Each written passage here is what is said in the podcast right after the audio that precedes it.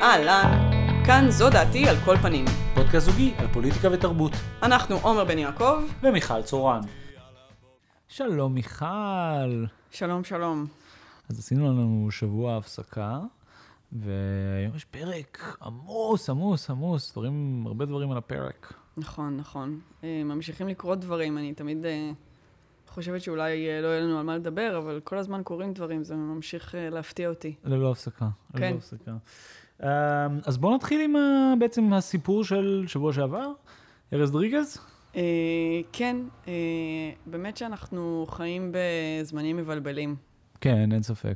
אני מרגישה שיותר ויותר, זאת אומרת, ככל שדברים כאלה יותר אה, עולים לכותרות, ככה אני פחות יודעת מה אני חושבת עליהם. זאת אומרת, הגרף הוא הפוך. תשמע, אפשר שאלה טכנית שנייה? אנחנו יודעים לבטא את שם משפחתו? אני חושבת שזה דריגז. דריגז כמו רודריגז בלי הרו?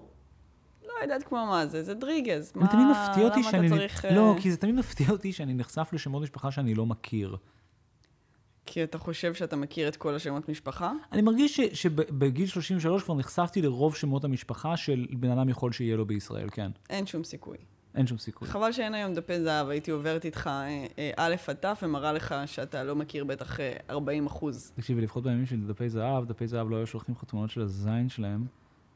אני... זה קישור קלוש, אני באמת אה, לא... אז את יודעת פחות, אוקיי, בוא, בוא, בוא, בוא נדבר, בוא נספר שנייה, ארז דריגז למי שפספס. אתה גם מטעה, לא היה שם אה, dick pic. נכון, לא היה dick, נכון, צודקת לגמרי. אתה סתם. מטעה, אתה עושה פה אריאנה מלמד, דופק אריאנה. תכף אה, תתחיל לספר על סיפור האונס שלך מגיל 14, זה זה לא לא... זה לא מתאים וזה לא קשור. אמ, ארז דריגז, כוכב והיוצר של חזרות, ואולי הגבר עם השיער הכי מרשים בכל גוש דן. נכון. אה, אה, עומר, אגב, גם לא ראה חזרות וגם אין לו שיער למי שלא זה דרך אגב נחשף. לא נכון ש... זאת אומרת, זה נכון שלא ראיתי חזרות. עכשיו אתה לא הולך ל...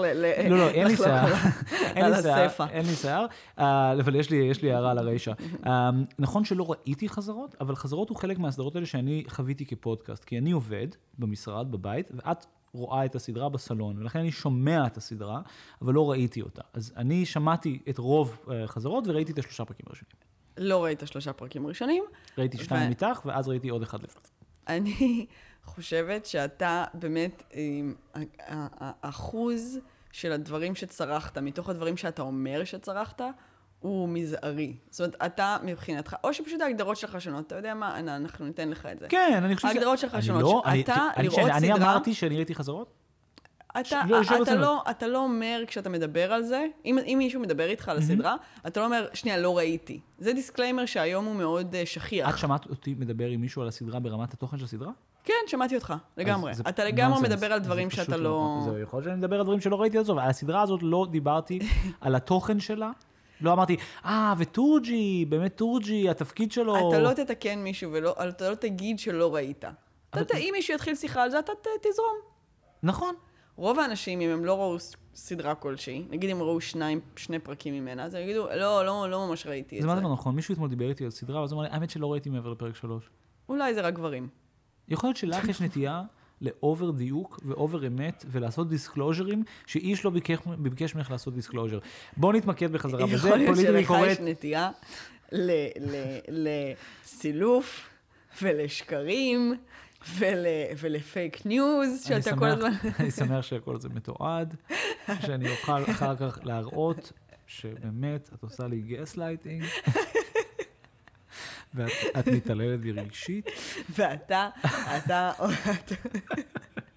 אין לי כבר... אין לך מה אין לי להגיד.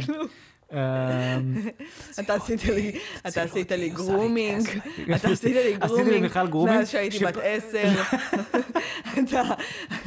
פגשתי אותך בקיץ שהיית בת כאילו 22, ואז עשיתי לך grooming עד הסתיו שבו היית בת 22. כאילו זה היה באותו שנה, זה היה הגרומינג הכי נכון. כאילו מפגר בעולם, כן. שבמהלכו את נורא רצית אותי. נכון, פשוט אנשים קראו לזה דייטינג בזמנו, אבל היום כולנו יודעים שזה גרומינג. כן, ונגיד, הפעם קראו ליחס שלך כלפיי אהבה, והיום קוראים לזה גס לייטינג. אה, הזמנים הם משתנים. הזמנים משתנים, ואופופו זמנים משתנים. ארז דריגז נחשף שבמשך, אוקיי, נכון, נחשף שלפני עשר שנים, הוא שלח ימבה, ימבה, ימבה, ימבה, ימבה, ימבה, ימבה. חלק יותר מעשר שנים. חלק יותר זה, אבל שבעצם הוא באמת נראה שהוא מכור לסקסטינג, ושלא רק שהוא מכור לסקסטינג, שזה עוד לגמרי בסדר, ואנשים יכולים שזה יאהבו להתבטא ולחוות רגשות מיניות דרך טקסט, אנחנו לא פוסלים את זה ולא חושבים שזה בעייתי, אלא מה שהפך את זה לבעייתי זה שהוא היה, א', באמת דוחה ווולגרי ברמות מטורפות, וב', הוא תרגט אה, נערות. זאת אומרת, לא רק בחורות צעירות, כן, אלא היה גם מדובר נערות. בקטינות ובכל מיני תלמידות, וכשהיה כן. ברור שהן מרגישות אה, לא בנוח עם הדבר, אז אה, הוא המשיך, למרות שהיה ברור שהן ממשיכות את השיחה רק מחוסר נוחות ולא בדיוק. מרצון אמיתי. והדבר הזה אה, מעורר המון המון דיון, גם בהקשר של ההתנהגות שלו, גם בהקשר של, נקרא לזה, מסגור התחקיר סביבו, כי התחקיר באמת, כמו הרבה תחקירים שהם לא בהכרח על התקיפות מיניות, אמ, לקח צורה כאילו מדובר בתקיפה מינית, למרות שלשם הדיון, כמו שתיקנת אותי, לא היה, זאת אומרת, לא שלח דיקפיקים, לא היה טענה למגע, זאת אומרת, לא נראה שאף אישה אה, הגיבה, או אף נערה הגיבה לזה שהוא אמר לה, או, יש לי זקפה.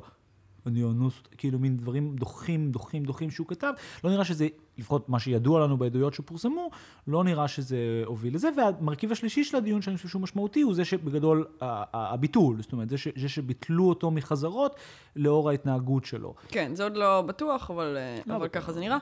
אני באמת לא, אה, לא יודעת מה אני חושבת. כאילו, אני, אני חושבת כל מיני דברים, ומצד אחד, אתה יודע, הדבר הזה, הוא, הוא, הוא בהתחלה היה נראה לי אה, אה, מנופח מעבר לכל פרופורציה.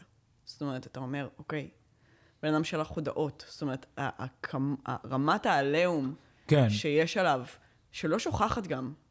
כן. היא, היא, היא ממשיכה, והיא, זאת אומרת, עוד ועוד כתבות ומאמרים, וכאילו, זה נראה שאנשים מתעסקים רק בזה בשבוע האחרון. תראי, אני לא ראיתי אה, את הסדרה, אבל כאילו, יש שם, אמרו לי ש... אה, לא... לא, אה, אבל אמרו לי שיש שם דמות של טורג'י, ש- נכון, שהוא נכון. בעצם... הוא שהוא מכור למין, גם היה טענות כלפי זה, כי, היו אנשים שאמרו, "אה, אה, הנה, הוא שם את עצמו בסדרה, הוא כתב את זה, הוא עושה איזה ריפנטינג. וכן קראתי ברעיון שלו ידיעות, שיצא בעצם, שכאילו כאילו הקדים את ה... נכון, נכון.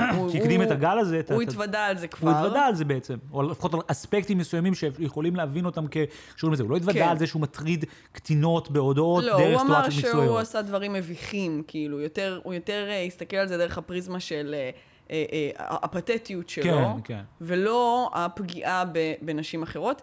ואני חייבת לומר ש, ש, ש, שגם, זאת אומרת, יש בזה משהו, אני קראתי את ההודעות האלה, הן הן מאוד לא נעימות, ולא הייתי רוצה לקבל אותן, אבל גם קשה להתעלם מכמה הוא יוצא אפס. כן. הוא פשוט יוצא, זאת אומרת, קראתי את זה, ועוד לפני שהתוודעתי לדבר הזה שהוא, ש, שהוא, על הרעיונות האלה שהוא מכור למין, זה ברור שזה של, זה שזה הודעות של בן אדם שפשוט הוא, הוא, הוא לא מסוגל, אה, אה, זאת אומרת, הוא, הוא חושב על זה באובססיביות. כן, וגם עופר בסדרה, הדמות של איתי תורג'מן, תואר כמישהו שבסופו של דבר הוא, הוא, הוא, הוא באחד הפרקים האחרונים, שהוא באמת היטינג רוק בודום, הוא, עומד מול נועה קולר והוא מפשיל את המכנסיים והוא אומר לה, אז רק, אז רק לגמור, תני לי רק לגמור, רק לעשות עליך בעד ולהסתכל עלייך, וכאילו, מין, לא. ורואים שהיא לא מוטרדת מזה בגלל שהוא הוא פשוט אפס, הוא פשוט, רואים שהוא נלעג, הוא גם מרגיש שהוא נלעג.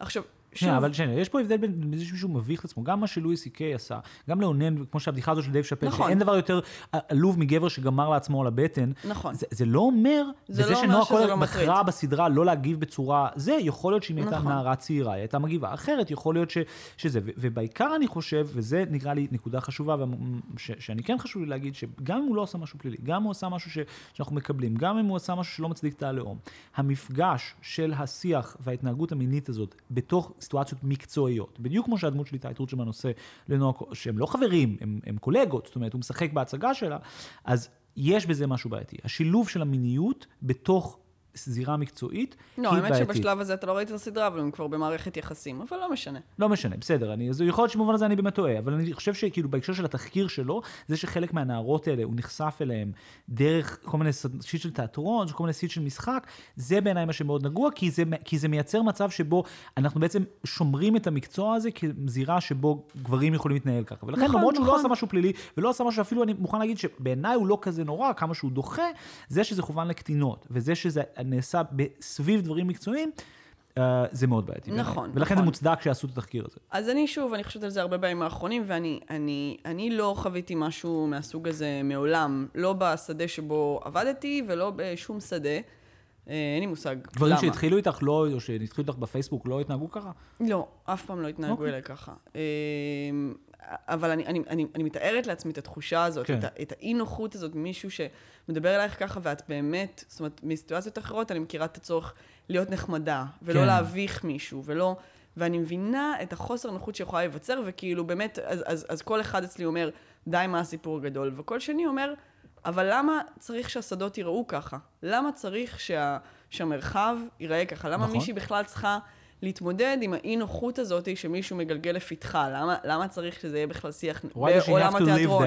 בעולם המשחק, בעולם הכתיב, לא משנה, נכון. בכל מיני שדות יש גברים שפשוט עד עכשיו הותר להם להתנהג ככה, והרבה אומרים, הנה, אנחנו צולבים אותו.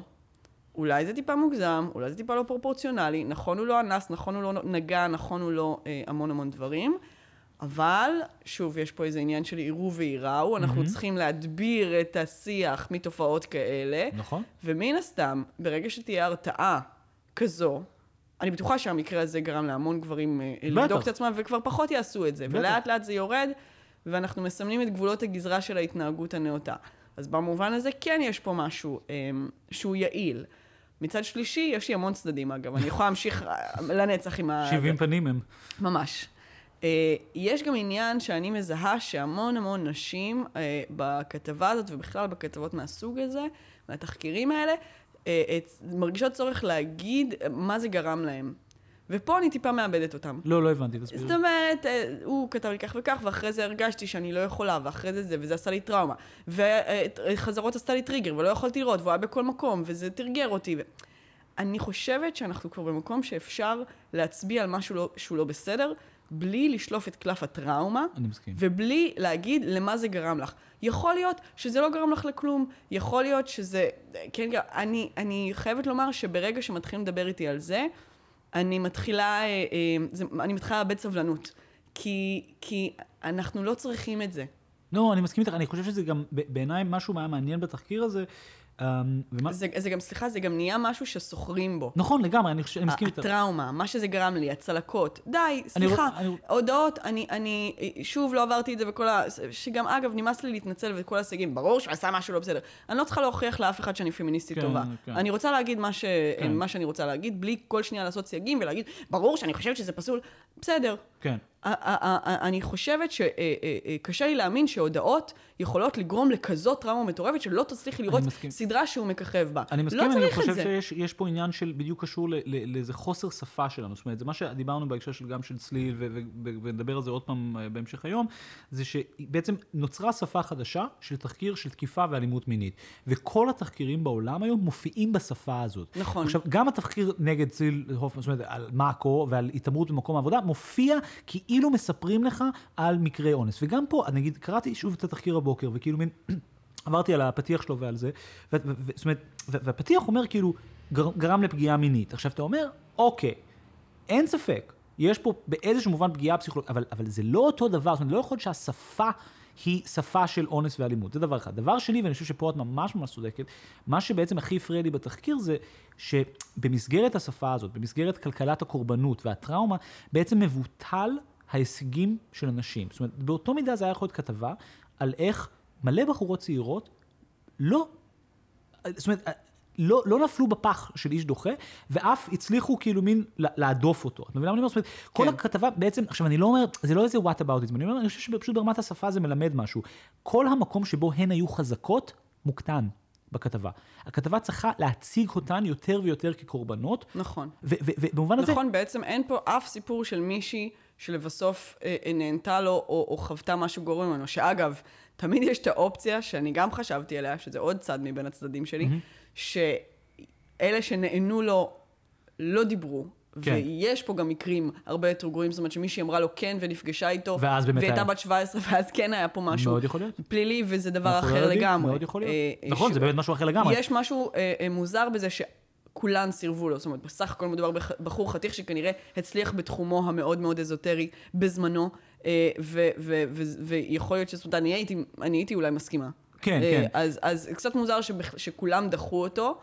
אה, אני לא יודעת, אז, אז, אני, אז לא, יש גם לא, את האופציה שוב, הזאת. אני לא חושב שזה משנה, אני חושב שהעניין הזה שאין בטענ... בכתבה טענות על מגע מיני, ומצד שני השפה היא כאילו נעשה פה אלימות פיזית, נכון, נכון, זה אחד, אנחנו צריכים ושתיים, למצוא שפה, נכון. שפות חדשות לדבר בהן את הדברים האלה. כי מה שיש כרגע הוא לא מספק, והוא מייצר האחדה, נכון. והוא מייצר מצב שבו הכל נראה חמור באותו אופן, והכל נראה באותו אופן, ואנחנו צריכים להתחיל לפתח שפות חדשות בשביל לדבר על, על הדברים האלה. וגם דרך אגב בהקשר של השיימינגים ובהקשר של, ה, של ה, כאילו איך אנחנו משתירים את זה, כי אני חושב שהרבה מה... זאת אומרת, מאוד מפתיע שיש כזה backlash ל-backlash נגד זה. זאת אומרת, זה שנגיד בא- בארץ כתבו על זה שאל תגזימו, והרבה כן. הרבה כאילו מין מוקדים, וגם הרבה אנשים באינטרנט שכאילו מין, בדרך כלל מאוד uh, ווקאליים על זה, כאילו אמרו בוא, לא נגזים, בוא, בוא נשים את זה הרבה, בקונטקסט. הרבה, כן, הרבה כן, אנשים שאני מכירה, הרבה פמיניסטיות מאוד... המון, אה, אפילו אה, הייתי, אפילו היינו בארוחת ערב ביום, אה, ביום שישי, והייתה תחושה שכאילו מין הנשים בארוחת ערב פחות מזועזעות מהסיפור נכון, מחלק מהדברים. נכון, זאת אומרת, אני מעניין. ועוד כמה, ושתי חברים היינו כאילו מין, מה, זה דוחה, וזה קטינות, וצריך לשים לזה סוף, ומיטו, וכולכן הייתם כאילו מין, כן, זה דוחה, אבל אתה יודע, כאילו, לא יודע שצריך כן. לבצע חזרות, וכאילו... לא, לבטל את חזרות בטח שלא היה צריך, זאת אומרת, לבטל את ההשתתפות שלו אה, אה, בדבר הזה. אז אני חושב שפה אנחנו מגיעים לליבה של... נורא מופרז. אה, אני חושב שאנחנו פה מגיעים לליבו של הדבר הזה, כי אני חושב שבסופו של דבר, כאילו, חייבים לאפשר כפרה, חייבים לאפשר גאולה באיזושהי צורה, לא לאנסים. בהכרח- שוב, אין לנו עדיין אמצעים. בדיוק, אין לנו אמצעים. אנחנו רק מכירים את הדבר הזה של לבטל למישהו את הפרויקט הבא שלו, בדיוק. או את ה- את עכשיו, העבודה אני, שלו. אני באופן כללי לא אוהב את הרעיון הזה של לתקוף לאנשים את מקומות העבודה ולגרום לאנשים to get זה- fired. כאילו, יש בזה משהו זה לא שהארז... ממש הארדקור. נכון, זה גם לא ש... מרקסיסטית גם זה כאילו במובן נכון. ל- לתקוף את הבן אדם בבסיס הקיום שלו. נכון. זה גם להיתמם, כי, כי לא להבין את המשמעות, ואני לא, אני לא עכשיו מנסה להאשים את האנשים ש, שהתלוננו, או את זה, אני כן רוצה להאשים את כאן. אם כאן יעשו את זה, זה בחירה לגמרי שלהם, זה לא פועל יוצא של זה שפוליטיקלי קורקט פרסמו את זה, טוב שאנשים נכון. מפרסמים תחקירים כאלה, ובעיניי לא טוב שאנשים... חברות הפקה מנסות להיות holier than, than, than Jesus ומבטלים אנשים. כי הביטול הזה, ושאנחנו לא יכולים להשלות את עצמנו לרגע, שהוא קשור רק לארז. כי אם הסדרה הזאת לא יוצאת לפועל, המון אנשים לא יעבדו. המון אנשים. או אם יעשו גרסה... לא, אף אחד לא איים לבטל את הסדרה. לא, איימו לבטל זה- את ההשתתפות ספציפית שלו. בסדר, התכוונתי שכאילו הדברים האלה יש להם השלכה יותר מתמיד רק הבן אדם הספציפי נכון. שזה חל עליו, זה דבר אחד. ודבר שני, כאילו כשאת מסתכלת על התגובה של נועה קולר על הסיפור הזה, אז את רואה כמה היא מתייסרת מול הדבר הזה, כי מבחינתה כאילו מין, הם חברים, הוא אמר לה, הוא אמר לציבור, הם עשו תהליך יצירתי שנועד בין השאר גם להתמודד עם הדבר הזה, ואיכשהו זה לא מספיק, וכאילו התחקיר הוא על משהו שקרה לפני, זאת אומרת, זה לא שכאילו מין, הוא עשה, אמר שהוא עשה תהליך, ואז גילו שהוא גם שבוע שעבר עשה את זה, כן? זאת אומרת, זה, זה, לא מה שעולה מהתחקיר בשום צורה. כן, למרות שאני ראיתי בפייסבוק מישהי אה, שמגיבה בהמון המון מקומות על זה שזה קרה לפני אה, לא הרבה זמן. אוקיי, יכול להיות שאנחנו גם... אבל בסדר, לא משנה. אני חושבת שהתגובה של כאן היא באמת אה, לא מידתית, וגם, שוב, אם נחזור לזה שבאמת היה פה עיבוד בתוך דמות, אז, אז זה עוד יותר היתממות של כאן. כי כנראה שהם גם ידעו, נכון? זאת אומרת, היוצר שלהם בעצם שם חוויות שלו, שהוא התוודה בראיון שזה חוויות שלו. לא ידעתם על זה? ברור שהם? ידעו. זאת אומרת, אז, אז פתאום, אז השתמשתם ב, ב, ב, ב, בחוויות שלו בשביל לייצר יצירה שהיא הייתה אהובה בצורה חסרת תקדים, ועכשיו אתם זורקים אותו מתחת לגלגלי האוטובוס? אז זה מה אה, שקצת קשה לי, שכאילו אני באמת מרגיש שכאילו אנשים לא מצליחים, כמו, שה, כמו שהתקשורת עצמה לא מצליחה לייצר שפה אחרת, שזה כאילו בעיה בפני עצמה, אני מרגיש שכאילו טוב שיצא התחקיר הזה. מצד שני, אנחנו כאילו אין לנו יכולת, אה, זאת אומרת, כאן כאילו מרגישים שחובה עליהם לעשות את זה, והשאלה היא למה. כי כאילו, למה אנחנו לא יכולים לייצר מצב שבו אנשים גם עוברים איזשהו שיימינג חברתי, עוברים גם משהו, וזה לא כרוך בנגיד ביטול יצירה נורא משמעותית, הוא לא כרוך ב, ב, בזה שבן אדם מאבד את העבודה שלו, כי אתה רוצה סנקציות, אבל סנקציות יכולות גם אנחנו חדשים, חברתיות. אנחנו חדשים, ועוד אין לנו מדרג אה, אה, סנקציות שראוי כמו ב... לצורך העניין, בית משפט. כן. שיש לך מידתיות. אחד הדברים הכי חשובים ב- ב- במערכת המשפט היא, היא, היא מידתיות של עונש, נכון? נכון, נכון. לכל פשע יש את העונש המתאים לו. ומבחינה חברתית עדיין לא הגענו למצב הזה, וזה בדיוק מאפיין אה, אה, אה, מערכת אה, פשעים, נקרא לזה, או, או, או עבירות, שהיא עוד לא מעוגנת בחוק. אבל נגיד- אנחנו עוד בשלב מעבר של הדבר אבל הזה. זה אפילו לא עניין של חקיקה, זה עניין של, של איך חברה אוכפת נורמות.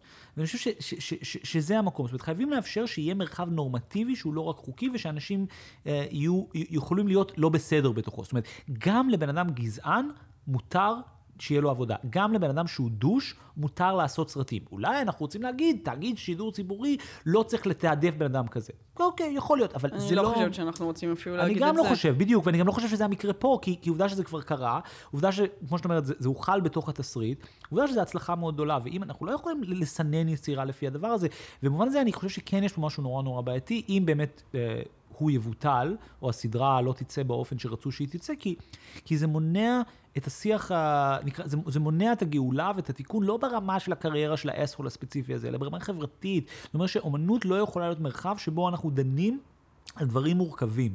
כי, זה, כי את מבינה מה אני אומר? כי זה, אז זה אומר שאולי מי שמעורב בזה הוא נגוע. כן.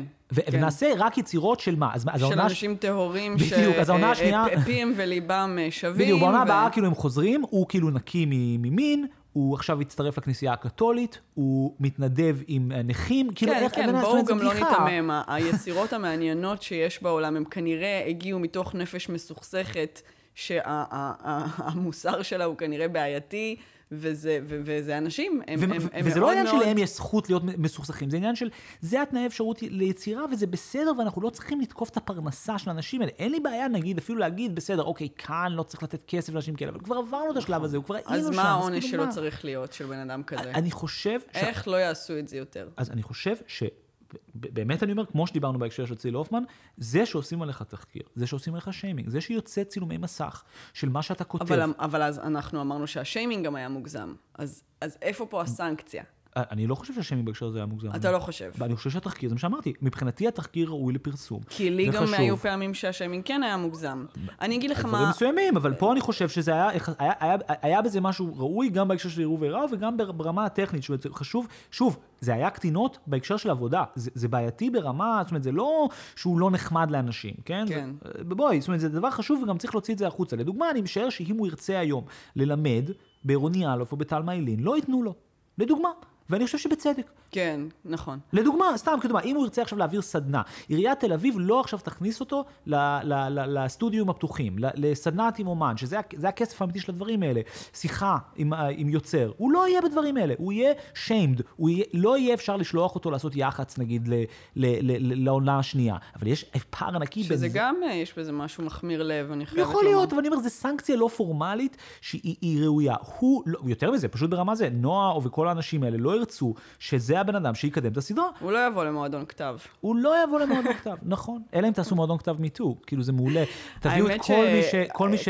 כבר, נגמרים, אה, זאת אומרת, זה מצמצם את השורות וזה, מטריד, אני מעדיפה, זאת אומרת, פעם הבאה שאתם יודעים על מישהו, לא, לא לספר לי. אני צריכה, אה, לא, אבל אז בדיעבד, כאילו יהיה תחקיר על איך ה... איך ה... איך שיתפתי פעולה. איך שיתף פעולה.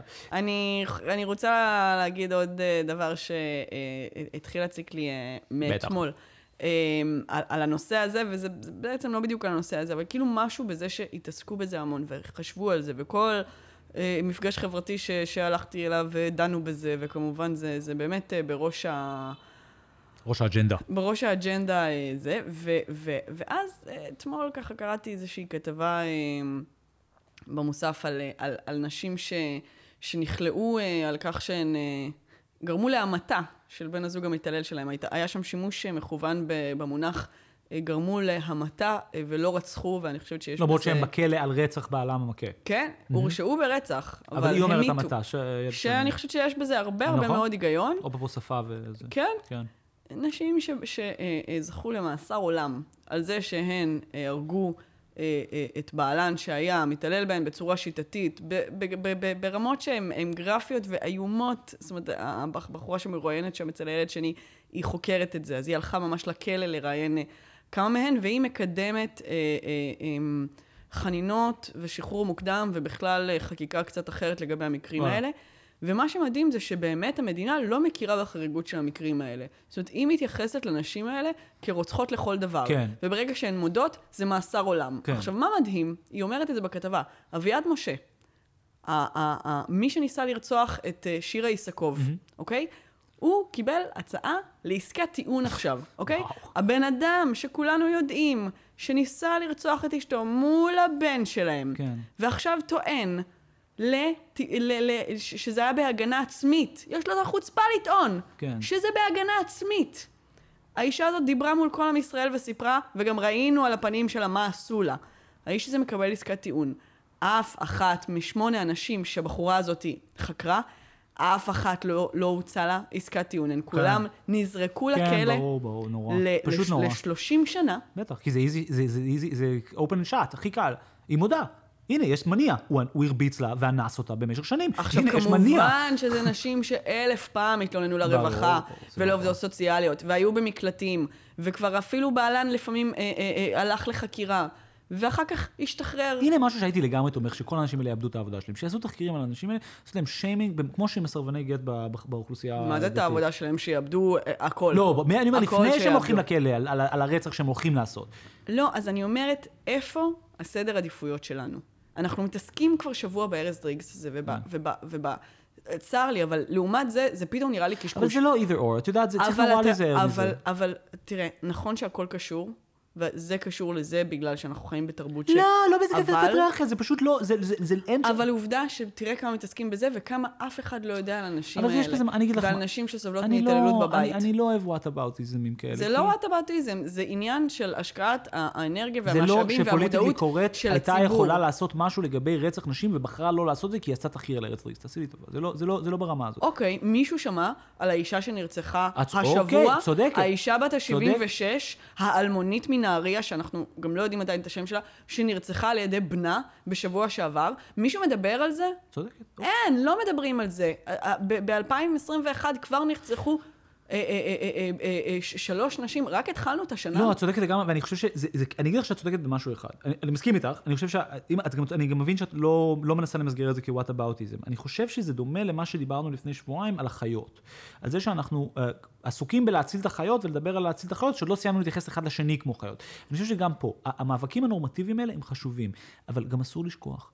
בעצם התנועה הפמיניסטית עוד לא השלימה את המשימה נכון. הראשונה שלה, שהיא זה שנשים יזכו ליחס של בן אדם שלם. וכן, שדמו לא מותר. נכון, וזה אולי לא על חשבון, אבל אני, זה איפס אותי. זאת אומרת, דיבר, דיברתי על ארז דריגס וחשבתי, עליו, ואז קראתי את זה ואמרתי, בואנה, כן. זה מה שחשוב. וכן, בראש שלנו יש מקום מוגבל, והתודעה הפוליטית שלנו היא מוגבלת, אי אפשר להתעסק בהכל. לא, גם אני אזכיר שזה אם וזה- הכל לא פוליטי, אז אין מקום לייצר היררכיה אמיתית. זאת אומרת, אם, גם היחס ביני לבין המוכר פלאפל, או ביני לבינך הם פוליטיים כל הזמן, וכל דבר הוא יחסי כוח, אז באמת אין שום מקום לדבר, מאוד נהיה מאוד מסובך לעשות היררכיות ולעשות זה, ואז דרך אגב, נגיד הנושא של אלימות כלפי נשים, כאילו נגיד בשנים האחרונות בישראל, נורא ממוסגר כנושא נגיד, נקרא לזה של נשים עניות, או נשים ערביות, ובאמת ב- ב- ב- ב- בשבועות כן, וחודשים ואז יש לך האחרונים, איזה פתאום יש מקרה כאילו... כמו הבת של אה. עמוס עוז, שפתאום אומר את הדברים האלה, ואין איך לאכול את זה בכלל. כן. Um, אני רוצה לספר לך תחקיר אחר שעושה רעש באינטרנט. אה, בוא, בוא תספר לי. אוקיי, זה... אני, אני מתרגש. אני רציתי להקדיש את כל הפרק של היום לדבר הזה, um, כי אני חושב שזה פשוט טירוף מוחלט, ואני הולך לספר לכם על תחקיר מאוד גדול שעושה המון רעש באינטרנט. Uh, תחקיר של פודקאסט בשם Reply All. Reply All זה פודקאסט טכנולוגי שאני לא כזה אוהב, אבל כאילו הוא, הוא חמוד, ו- ועשו דברים יפים לאורך השנים, ומלפני חצי שנה הם, הם כזה עשו פיבוט והתחילו לעשות עיתונאות uh, מין נורא ווק כזה, PC בטירוף, והם עשו תחקיר על המגזין האוכל בון אפטיט, ו... בין... שזה אה, מגזין אוכל מאוד, אה, אה, יחסית כאילו נחשב באמריקה, צריך להגיד. כן, זה מאוד, בעצם אה, המקבילה של ווג לאוכל. בדיוק. אבל ממש אחד לאחד. לאותו... בדיוק, וזה שייך אה, לקונדנסט, בדיוק. שזה, שזה חברת האם שבבעלותה גם ווג וגם הרבה אה, אה, מגזינים וגופי תקשורת אחרים. כן. תמשיך. מדובר במגזין האוכל היוקרתי, וה... לא היוקרתי, אבל כאילו האליטיסטי של אמריקה, ומי שכמוני חובב סרטוני בישול, גם יודע שיש להם את מה שנקרא The Test Kitchen, uh, שמעלה סרטונים ליוטיוב, וזה באמת ערוץ white בצורה יוצאת דופן, וכל מיני white women עושות מאפים, white gays עושים חמוצים, white gay guys עושים חמוצים אפויים, וכאילו זה מאוד, uh, זה מאוד מה שחושבים, וה- והתחקיר הזה יצא כרגע שתיים, אני חושב, מתוך שלוש פרקים עליו, נשמע כמו פרודיה על פוליטיקת זהויות, ואני שמעתי את זה, הייתי בטוח שאני הוזה, והייתי צריך לבדוק באינטרנט לוודא שכאילו אני לא הוזה, ובאמת עוד אנשים זה גם עצבן אותם. הכרחתי אותך לשמוע את זה, נורא לא רצית, ואז במשך שעתיים שמעתי אותך ליטרלי מתגלגלת מצחוק מהחדר ליד. או עושה... אני לא מאמינה שבזבזתי שעתיים על הדבר הזה. אז אני רק אספר מה התחקיר, ואז נתחיל לפרק את זה. אז התחקיר הולך ככה. אז בון אפטיט זה מגזין אוכל, אמרנו, ובעצם התחקיר מתעסק בשתי דורות של מה שנקרא people of color, אנשים לא לבנים, שניסו לעבוד שם, וחוו חוויות שליליות. הם לא ניסו לעבוד שם, הם עבדו לא, שם. אני חייב, אני, אני נורא לא, קשה... זה חשוב, לא, הם לא, לא אני, זה, ניסו. זה נורא קשה להסביר את הסיפור הזה בלי לצחוק, כי, כי בעצם באמת מיכל צודקת. זאת אומרת, התחקיר מספר על שתי דורות של אנשים כאילו חומים שהתחילו לעבוד שם, עבדו שם.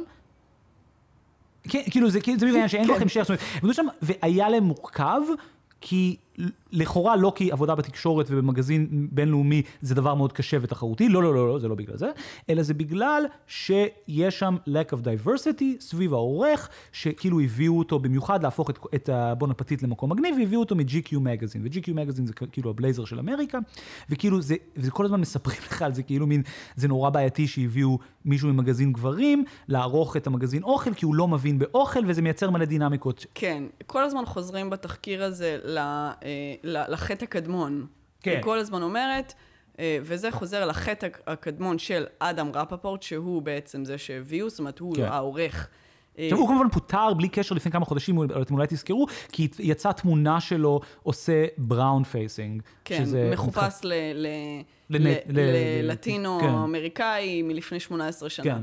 אז זה, אז זה רק שנקרא רקע, אבל באמת התחקיר הוא רק עליו, וה- והחטא הקדמון הזה שם הוא באמת שכאילו... שהוא כאילו לא אה, אה, אה, העסיק בעיקר לבנים, למרות ששוב, לא רק, היו שם כמה אנשים שאינם לבנים שהתלוננו בתחקיר הזה, אז כן. אנחנו יודעים שהם היו שם.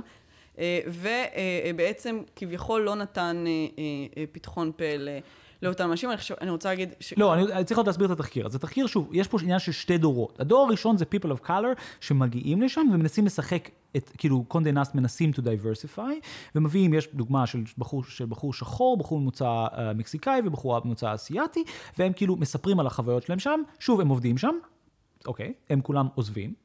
הם לא כאלה מרוצים שם באיזשהו שלב, הם כולם עוזבים, ואם אני מבין נכון, שתיים מתוך השלוש האלה מצאו עבודות בניו יורק טיימס, וכאילו... הם מצאו עבודות מדהימות מדהים, אחרי מעולה. זה. אחד עורך איזה, איזה אתר אוכל מאוד גדול, השנייה כותבת מתכונים לניו יורק טיימס, זאת אומרת, כן. האנשים האלה בהחלט התקדמו לאחר מכן, וכנראה עם איזשהו קשר לזה שהם לפני כן ברור. עבדו בבון אפטיט. אז זה הדור הראשון רק, זה הדור הראשון המסכן שלא הצליח זה. עכשיו אנחנו מגיעים לדור השני, זה הפרק השני, והדור השני הוא כבר ממש, uh, מה שנקרא Post Black Lives Matter, או עם עין על Black Lives Matter, וזה כאילו הדור הלוחמני, ו- והם באים וכאילו ממש רבים עם, עם בונפטיזם, מנסים לשנות את המערכת בפנים, ו- וכאילו נורא קשה להם לעשות את זה, למרות ששוב, דו- דווקא זאת אומרת, מוצג שם על אף השפה של התחקיר, דווקא נשמע שהם... יחסית מצליחים, א', באמת הם מוצאים שם עבודות, ב', אחת מהם אפילו ממונה להיות מין אחראית על diversity, לבקשתה. לבקשתה. זאת אומרת, היא מעלה רעיון, והיא אומרת, אני, אולי, אולי נייצר, כי היא טוענת טענות לגבי העניין הזה של הכביכול אפליה, והם אומרים לה, מה את רוצה, מה את רוצה שנעשה? והיא אומרת,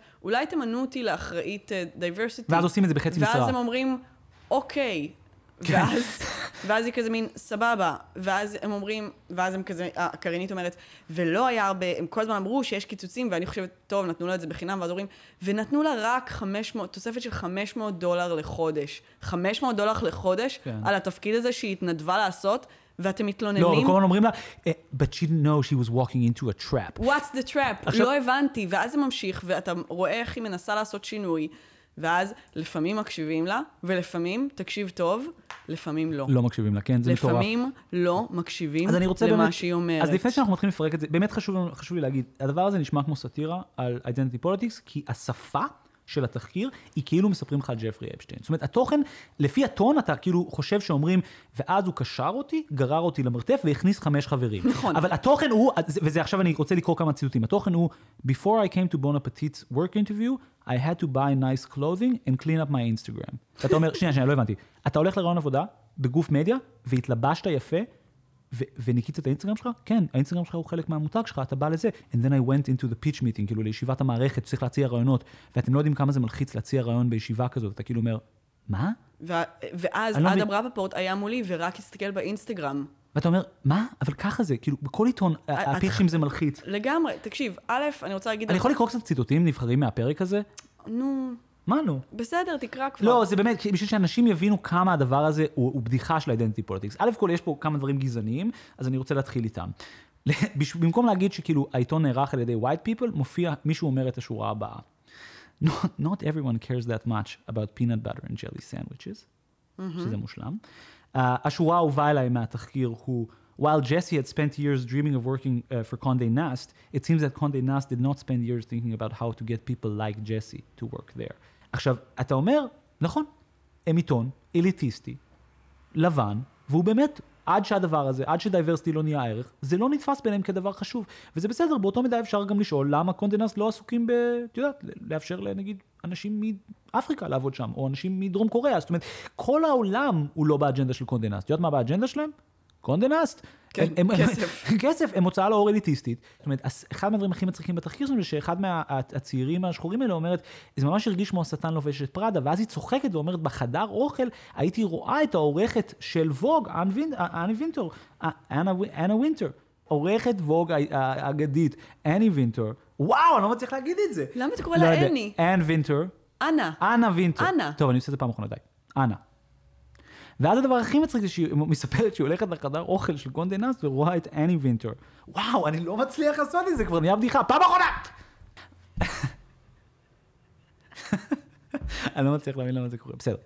ואז כאילו במין, עם אפס מודעות עצמית, בקוריאה, היא פשוט אומרת כבדיחה, ואז אני הולכת לחדר אוכל של קונדה נאסט, ואני רואה את אנה וינטור, עורכת האגדית של ווג, ואני אומר את זה כמו השטן לובש את פראדה. ואז אתה אומר, אלוהים אדירים, אתם באמת, את, אנחנו כבר בשלב שאנשים לא עושים את ההבחנה בין דימוי למציאות. לא, זה לא כמו, זה זה. הסרט מבוסס על המקום האמיתי שאת עובדת בו. כשדיברנו על זה בהקשר של מאקו, זה עוד היה אלגוריה. זה פיזית שם, את לא יכולה להתלונן שזה כמו השטן לובש את פראדה, כשזה השטן לובש את פראדה. זאת אומרת, אתה, אתה, זאת אומרת, אתה חייב לאפשר לאנשים, גם, לדבר גם להיות עצמו, כאילו. באמת, יש פה דברים מטורפים, אני רק, אה, עוד כמה ציטוטים נבחרים, רק אני חייב באמת אה, זה. It seems that the only people who could change the situation, of, of, כאילו, על זה שיש שם מלא גברים לבנים עשירים, was other white people. אתה אומר, אוקיי. ואז הציטוט מדהים בעיניי, אחת מהשחורות אומר- אומרת, This place is oppressive as fuck. מה מה כל כך מצחיק This place בזה? is oppressive as fuck. מה? תעשי לי טובה, נו. אוקיי, בסדר, בוא נעשה. ו- אוקיי, אז בדור השני יש כבר כמה באמת אה, זה, שהיא הולכת לרעיון עבודה, אני חושב שזה מראה כמה הדור הצעיר הזה הוא כבר באמת קצת אינטייטד לגבי identity politics. Um, uh, והיא אומרת שם, ברעיון עבודה, השחורה שמקבלת את המינוי הזה להיות בסוף האחראית על היא אומרת ברעיון עבודה שלה, How does social justice fit in with Condé Nast? Uh, אני חושב שזה משקף כמה באמת כבר יש פה איזשהו ניתוק בין המציאות שבו יש עיתון ואיזשהו תהליך מקצועי לבין ההנחה של הדור הצעיר, ה-woke האמריקאי, שהכל צריך להיות about social justice. זאת אומרת, את הולכת לרעיון עבודה במגזין, אוקיי? המגזין הוא מגזין שלא נקרא diversity magazine for people of colors and handicapped, כן? הוא נקרא בון אפטיט for rich white people who like crème pâtissière, כן? And, have, and used to have הוא לא slaves. באמת נקרא ככה. לא משנה, אבל זה השער, השער לא, זה... שחשוב שאנשים י- בסדר, ידעו. אה, בסדר גמור.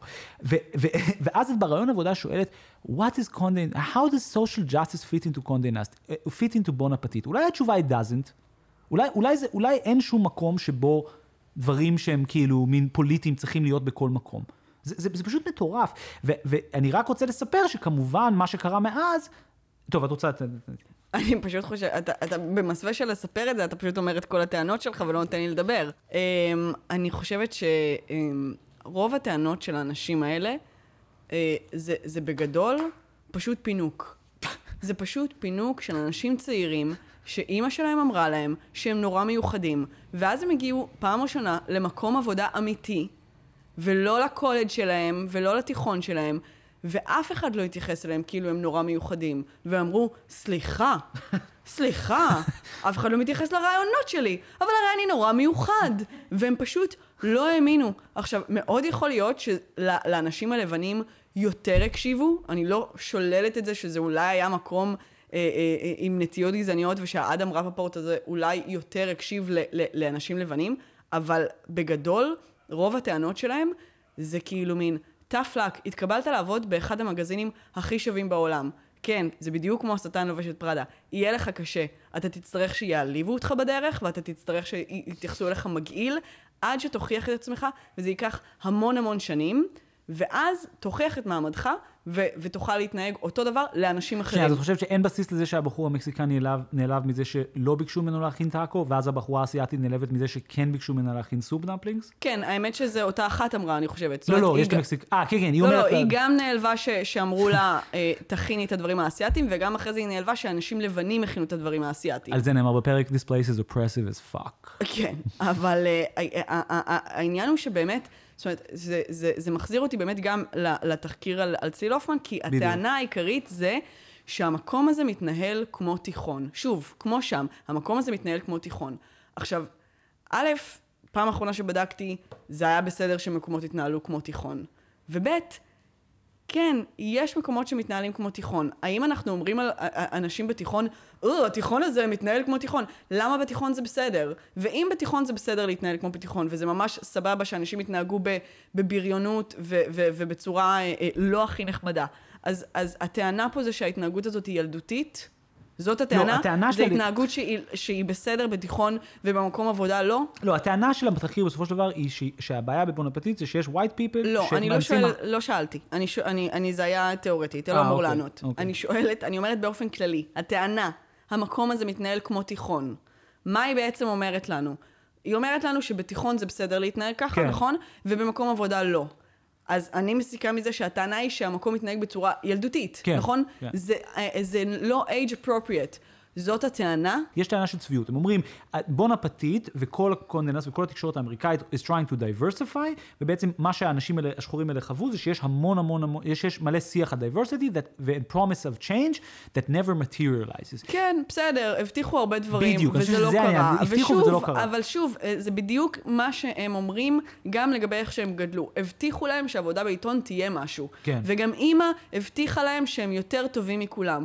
זה tough luck, זה נורא נורא קשה להגיע לעולם ולגלות שאתה בעצם לא מדהים כמו שחשבת, ושיש עוד אנשים מדהימים, והם מתחרים איתך על, אותם, אה, על אותן משבצות, ונורא נורא נורא קשה להגיע לטופ. ואני חושבת שמעבר לזה, אנחנו התחלנו אה, לבלבל בין אה, אה, שיח ה- ה- הנורמות החברתיות והמוסר, לבין שיח הזכויות. כן, כן. זה לא זכות של אף אחד להגיע למקום עבודה המאוד מאוד שווה הזה, שרק מעטים מגיעים אליו, ולהתקדם שם, ושיגידו לו, יצביעו לו ויגידו לו, אתה, המתכון שלך, עכשיו אתה תעשה אותו לעיתון, ולא פשוט תבדוק מתכונים לא, כמו זה בלתי שנתנו להם נתפס, הם לעשות. בכלל לא מעלים על הדעת, שכאילו נגיד הבחור המקסיקאי הזה, או כל הזה, זה שכאילו מין, הם, הם, הם נורא פחדו, זה כאילו חלק מהטענות הכאילו מהותיות, שהם פחדו לתת המנות שהן לא אמריקאיות ל-people of color, בחשש שכאילו... יגרמו להם להיות חריפים מדי, ושכאילו, זה, אם נגיד הבחורה כן, האסייתית, התאימו לחך תעשה המ- מרק, כן, המערבי כן. את המאכלים האוריינטליים. וזה מסתכם במה שהם מכנים פוגייט. השערורייה סביב מרק הפו, פו. כן. ש- שבחור לבן הוציא סרטון שהוא מסביר איך לעשות פו, וזה לא מה שהם חושבים כאנשים אסיאתים. ואתה אומר בסופו של דבר, העליתם על דעתכם שאולי הקוראים שלהם הם לבנים והם לא רוצים פו אמיתי, אלא רוצים את הגרסה האמריקאית נכון. של פו? כאילו, האם זה כמו רייסיזם? שהאמריקאים רוצים את המסעדות הסיניות שלהם, עם הרטבים שלהם, זה לא כמו בסין. אבל זה מה שענק, שאתה לא, זאת אומרת, ואז אתה מסתכל על זה, אתה אומר, יכול להיות שיש פה לקוח שרוצה משהו והם מספקים לו את זה? לא, כי אז האינטראקציה היא כלכלית, והכל הוא פוליטי. How does bon appetit fit into social justice? אז בוא ניקח את אותו סיטואציה ונהפוך אותה לסיטואציה פוליטית, ונשאל, האם זה עכשיו, נכון, בפרספקטיבה הזאת, אז בעצם אה, להעלות סרטון פו, שלא נעשה על ידי בן אדם אסיאתי, זה שקול למלחמת וייטנאם. אין שום הבדל בין להעלות סרטון על מרק פו לבין פיזית להפציץ מדינה אסיאתית. זה אותו רמה של השמדה תרבותית, ואתה אומר, על מה אתם מדברים? זה מתכון למרק שאמריקאים אוהבים, אין לו חובה, נגיד אפילו, בשונה מחדשות, אין לו אפילו חובה להיות מדויק. נכון. הם יכולים לפרסם חרא מתכונים, אם זה אני מה חושבת שהקוראים שיש שלהם פה, אוהבים. זה חלק מהניסיון להדביר מהחברה כל התנהגות שהיא מעמדית. אין פה עניין בהכרח של זהות, יש פה התנהגות בינגו. מעמדית, וזה בדיוק העניין של הטענות בינגו. על תיכון והטענות על קליקאות, אבל זה לא יהיה. החברה תמיד תתנהל בצורה מעמדית, זה גם לא בהכרח דבר כל כך רע. בעיקר, זה, זה, זה לא רע למי שמצליח להשתלב בזה, ויש המון people of color שהצליחו להשתלב בזה, כמו זאת שייצרה את התחקיר הספציפי הזה על בון אפטיט. או, אז עכשיו אנחנו- רגע, אני לא רוצה עדיין להיכנס לזה, אני רוצה להגיד כמה דברים לפני כן, ושאתה תסתום את הפה. אה, אני חושבת שאנשים שם מתלוננים על דברים מטורפים, הם מתלוננים שנתנו להם לעשות עבודות מבאסות, אוקיי? שהם הגיעו לעיתון ונתנו להם לנקות את המטבח. אה, יש שם קטע שמישהי אפילו אומרת את זה נכון, הוא אומר, she thought, her, she thought she would be dealing with diversity, but it turned out her real job as an assistant was to be an assistant. כן, זה מטורף. עכשיו, לחשוב שזה הזכות שלך, שמישהו יראה אותך בעבודה, כן, כן, זה כן. הדבר הכי פריבילגי ואנטייטלד למה? יש את חוק- ששמעתי בחיים שלי. האנשים האלה הם בעצם האנשים הכי entitled בעולם. entitled. אני הגעתי לעבוד בעיתון בגיל 22, ולא חלמתי שמישהו בכלל יראה אותי, ולא חשבתי שזה הזכות שלי, שייתנו לי להגיד מה אני חושבת, וכשנתנו לי להגיד מה אני חושבת, אז הייתי כל כך בשוק מזה, ובטח לא שלא חשבתי שזו הזכות שלי שיקשיבו לזה ויעשו את מה שאני אומרת. והאנשים האלה באים ואומרים, אנחנו הצענו רעיון, והם פשוט לא הלכו עליו. תסתמו את הפה אחרי שלכם. שהם עשו איתנו פגישות, והקשיבו לרעיונות שלנו בצורה מכובדת, יחסית, לא מספיק לאף אחד מכובדת. לא אכפת לי מכם. מבחינתי זה תחקיר על איך Condé Nast ניסו לעשות מאמצים לעשות diversification, הכניסו מלא צעירים נודניקים, שממש דחפו את הגבולות בתוך המערכת, המערכת הכילה את זה לגמרי, יישמה חלק מזה, אבל נשארה בטווח של 3-4 שנים עיתון אליטיסטי. נכון. שזה, שאין בזה שום דבר בעייתי. כאילו. עכשיו, יש פה גם איזה כפילות, זאת אומרת, התחקיר הזה הציג את האנשים האלה כבעלי כוח וכמשוללי כוח, כן, מתי שהיה נוח. לגמרי. אוקיי? זאת אומרת, נורא נורא דיכאו אותם, אבל באופן מדהים, הם הצליחו נורא אחרי זה בניו יורק טיימס. כן, זה האנשים הנורא נורא מדוכאים, איך הם הצליחו אחרי זה, ו... אה, וכמובן שהיה צריך לתאר, אפרופו מה שדיברנו קודם, את הטראומות הנוראיות. שהם סחבו איתם למקומות העבודה החדשים שלהם, והם פשוט סחבו טראומות, וזה השפיע עליהם אחרי היא זה. לא יכולה לאכול מרק קפוא היום. זה לא יאמן, איזה חוצפה לתאר בפניי את הדבר הזה, איך אתם מעיזים. וגם, לא, לא הגיעו, לא נתנו להם להגיע לעמדות מפתח, אבל אם כן נתנו להם, לא היה שום כוח בעמדה בדיוק, הזאת. כן, זה נורא. נו, באמת. אבל זה בדיוק מתחבר למה שדיברנו מקודם, על, על איך, איך בהקשר של התחקיר של ארז ריך, איך בעצם צריכים להקטין את המקומות של הנשים. כמו ששם את בעצם, התחקיר מצניע את זה שאף אישה לא נפלה בפח ואף הדפה את האיש הדוחה הזה, אז גם פה, זאת אומרת, הקצת הישגים, נגיד האיש שמקבל את הג'וב של ה diversity, בואנה, כל הכבוד לך. לגמרי. אבל, אבל מציגים את זה כל הזמן. ואני- והכת- יש לי דוגמה מדהימה. כן. ואז היא אומרת, אפילו לא שלחו מייל לכולם כשקיבלתי את העבודה לבשר. זה עבודה שלך. את תשלחי מייל לכולם, חתיכת מפונקת. הם צריכים לשלוח בשבילך מייל שמודיע או לכולם. הדיון על ה-B, על זה שנגיד באמריקה בהקשר של איך כותבים עם B גדולה או B קטנה. אז אני נגיד דווקא כמי שעובד בעיתון ש, שמנהל את הדיונים האלה, יודע שזה באמת סוגיה רגישה, ודווקא מאוד אהבתי איך, איך שהם ניהלו את זה. הם הלכו ואמרו, תראו, נהוג, לא נהוג היום לכתוב African American, ואם כותבים black אז נהוג לעשות black עם B גדולה. הם, הם, Condé Nast אמרו להם, מעניין. בואו נסתכל מה שאר עושים. הלכו למחלקת הסטייל, מי שאחראי על הדברים האלה, ניהלו דיון, ואז, ואז אמרו, נדבר עם דיוויד רמניק מהניו יורק, מהניו יורקר, כאילו, אמרו, בואו נעשה, נבין מה השוק. ואז קיבלו החלטה לא לעשות את זה. או במילים אחרות, עיתון אוכל החליט לא למקם את עצמו ב-cutting edge של identity politics באמריקה. אולי בגלל שהוא מתעסק ב peanut butter and jelly sandwich ולא עם diversity, אבל זה מוצג כהפסד. זה שנגיד, הם הסתירו לא רק פגישה. מוצג כהפסד, זה מוצג כמשהו שהוא היה לא מתקדם מצדם. הם כמובן לא מוכנים לקחת בחשבון שיש דבר כזה סטייל גייד בעיתונים. נכון, והוא, לא, אבל זה מה שמדהים והוא ש- דבר מאוד מאוד חשוב, שבו יש האחדה של הסטיילים לגבי קבוצת בדיוק, מגזינים בדיוק. ועיתונים. אבל, אבל שמדהים, זה לא מעניין אותם. לא, מה שמדהים זה שהקבוצת צעירים האלה, דווקא במובן הזה אני חושב שיש פה משהו באמת לא בסדר של הכתבת, כי הקבוצת צעירים האלה דווקא תפקדו בצורה נורא טובה. הם הלכו להנהלה, ההנהלה מקשיבה להם וזה, ו- ו- ו- ונשמע לפחות מהסיפורים שלהם שכאילו הם כן... באיזשהו מובן מבינים איך להתנהל בתוך עיתון. זאת אומרת, הם לא סתם ישבו באמצע החדר ובכו. נגיד הם הלכו למחלקת סטייל לגבי ה B הזאת, אבל עשו על זה שלוש פגישות, ואז קיבלו החלטה אחרת משלהם. זה בסדר גמור. זה לא שזרקו אותם, זה לא שפיטרו אותם, זה לא שהשתיקו אותם, לא קיבלו את ההחלטה שהם רצו, זה בסדר גמור. אני, זאת אומרת, אתה, אין לך, זה, זאת אומרת, הטענה שביטלו אותם היא נורא בעייתית, ועכשיו, אני מזהה שם, גם, אה, אה, גם בהקשר של, החו, של הכתבת שהיא מראיינת את האיש שקיבלה את המינוי של ה diversity, ממש צורך להקטין אותם. זאת אומרת, כי בסופו של דבר אתה לא מבין למה היא מרגישה כה רע. זאת אומרת, הצגת מינוי של diversity, פעלת, אולי לא מספיק מהר, אולי לא הצליח, אבל למה את מרגישה כה רע? ואז באיזשהו רגע שם נחשף האמת. היא אומרת, תראו, אני לא qualified לזה. אני לא trained in anti-racism. ואז אתה, ואז אתה מבין אה, לאן הגענו. אתה אומר, בעצם כל ה... את אומרת, אין מישהו שבאמת אה, יודע איך לעשות diversity. זאת אומרת, אף אחד לא, לא הביאו אשת מקצוע שיעשו את זה. אז הביאו אותי בפרטאץ'. ואז אתה אומר, מה שפעם היה פוליטיקה, מה שפעם היה רוזה פארקס רבה, מה שפעם היה, אה, אפילו המיטו של לצאת ולשבור את החוקים, מה הפתרון של הדור המהפכני הזה? הכשרה. הם רוצים הכשרה, מרכז הכשרה של uh, מישהו שקיבל תעודה ב-diversity studies, שיבוא ויעשה diversification, ויהיה סדנאות רגישות לאדם. כן. מה? מה? מה? זה הפוליטיקה שלכם? זה ביזיון. אתם, באמת רוצ, ביזיון. אתם באמת רוצים לעשות מחנות חינוך אה, מחדש, אתם רוצים לעשות אה, education, sensitivity training, אתם בדיחה. תסלחו לי, אתם בדיחה. גם על, בשביל זה נאבקנו, בדיוק, באמת. לא, ברצינות, אם, אם היית אומרת, תראי, מה שאנחנו רצינו לעשות, זה להשתלט על בונפטית מבפנים ולעשות... אה, פוטש. לעשות פוטש ולקרוא לזה... ולהפוך את העיתון לשחור לקרוא לזה לגמרי. פונד פתית או משהו כזה, ולהפוך את זה מבפנים ולעשות מתכונים של, של, של כאילו racial, uh, racial food, אבל זה לא מה שהם רצו. לא. הם בעצם רצו לעשות פו, כמו שהם חושבים שצריך לעשות פו. עכשיו זה אחלה, אבל זה לא פוליטיקה. ואני חושב שזה העניין פה. אני רוצה לספר טיפה על ה-Backlash, ואז לתת את הטענה הגדולה, כי אני חושב שהדבר הזה באמת מסמל את קריסת ה-cancel culture וה-identity politics על עצמו, וגם מראה איך השיחים האלה, לא משנה אם אתה חושב שהם טובים או לא, בעצם מאיימים על, על פוליטיקה במובן הכי בסיסי של המילה. מה קרה? אותו כתבת, שהיא הודית, הודית אמיתית, לא אמריקאית ממוצא הודית, לא מהגרת מהודו, פותחת את התחקיר בזה שהיא מספרת שפעם האמת שהיא מסיימת את התחקיר בזה, אני חושבת. היא פותחת ומסיימת את התחקיר בזה שפעם היא לא התחברה לשיח הזהויות, כי היא דווקא מאוד מאמינה בעבודה קשה וטטטה, ולא חוותה את עצמה כ-person of color, ודרך התחקיר למדה את זה. ברגע שהתחקיר הזה התפרסם, כל האינטרנט, כל מי שעובד בשבילה, התהפך עליה. כל מי שעובד בשבילה ב-reply all. ב-reply all ובגימלט, שזה חברת ההפקות, יצאו עליהם, ואז את יודעת מה קרה? יצא עליהם בטוויטר תחקיר זהה. כן. שאומר שהיא גם לא קידמה people of color, וגם בונפטית, לא, וגם ב-reply all לא היו מספיק diversified וגם גימלט לא היה מספיק diversified, ויודעת מה קרה? עשו לה fucking canceling. או במילים אחרות, אחרי שסיימו לבטל את Bon Appétit, באו לבטל את מי שביטל את Bon Appétit.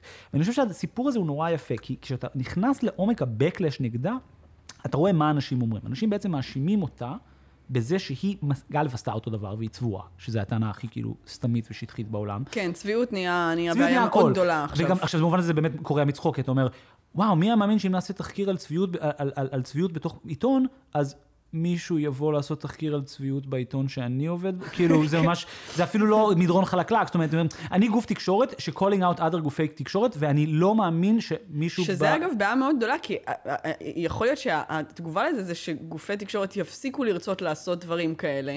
כדי שאף אחד לא יעשה להם את אותו דבר. ואז אף אחד יותר לא ידווח על לא, דברים כאלה, גם כשזה עניין, חשוב. לא, זה עניין של קניבליזם פנימי. זה, זה אף, העיתון הגדול יעשה את זה לעיתונים קטנים, ואז יהיה בסדר, אבל once העיתונים הקטנים יתחילו לעשות את זה לעיתונים הגדולים, שזה בעצם מה שקורה פה, אז באמת אתה רואה את השרשרת הזאת. ואתה אומר, הנה, אפילו בתוך ה identity politics ברמה בסיסית, התחקירים האלה קורסים לתוך עצמם. זאת אומרת, עכשיו היא מבוטלת כי היא לא מספיק טהורה. עכשיו, מה, נבטל את כל זה? זאת אומרת, זה, זה, זה, זה, זה קורה מצחוק, ובמקום לעשות את הדבר הפשוט, לבוא ולהגיד, חבר'ה, זה בעיות תעסוקתיות, אני לא מנסה להישמע כמו תקליט שבור, זה פשוט כל הבעיות שמתארים שם בתחקיר Condé Nast, אולי חוץ מדבר אחד, שזה העניין של הדוגמנים עם הידיים השחורות. הידיים, נכון, לא נתנו כן, לא- לשחורים לא לשים את הידיים שלהם בתמונות אוכל. אז זה באמת מעליב, אבל גם זה, דרך אגב, באמת יותר נכון לראות את זה כסיטואציה תעסוקתית, כי במילים אחרות, Condé Nast ו Bon Appétit, למרות שהם מפורקים בכסף, לא מביאים דוגמנים, והסטאג'רים צריכים להיות הדוגמנים. אז באמת, נכון, אם אין סטאג'רים שחורים, אז גם לא אין ייצוג לזה, וכנראה באמת הסטאג'רים השחורים לא נתנו להם לזה, אבל זה בעיה תעסוקתית. נכון, ברגע שזה יהיה מעוגן, אז יצטרכו אה, אה, נכון. להקצות גם מקומות לידיים אה,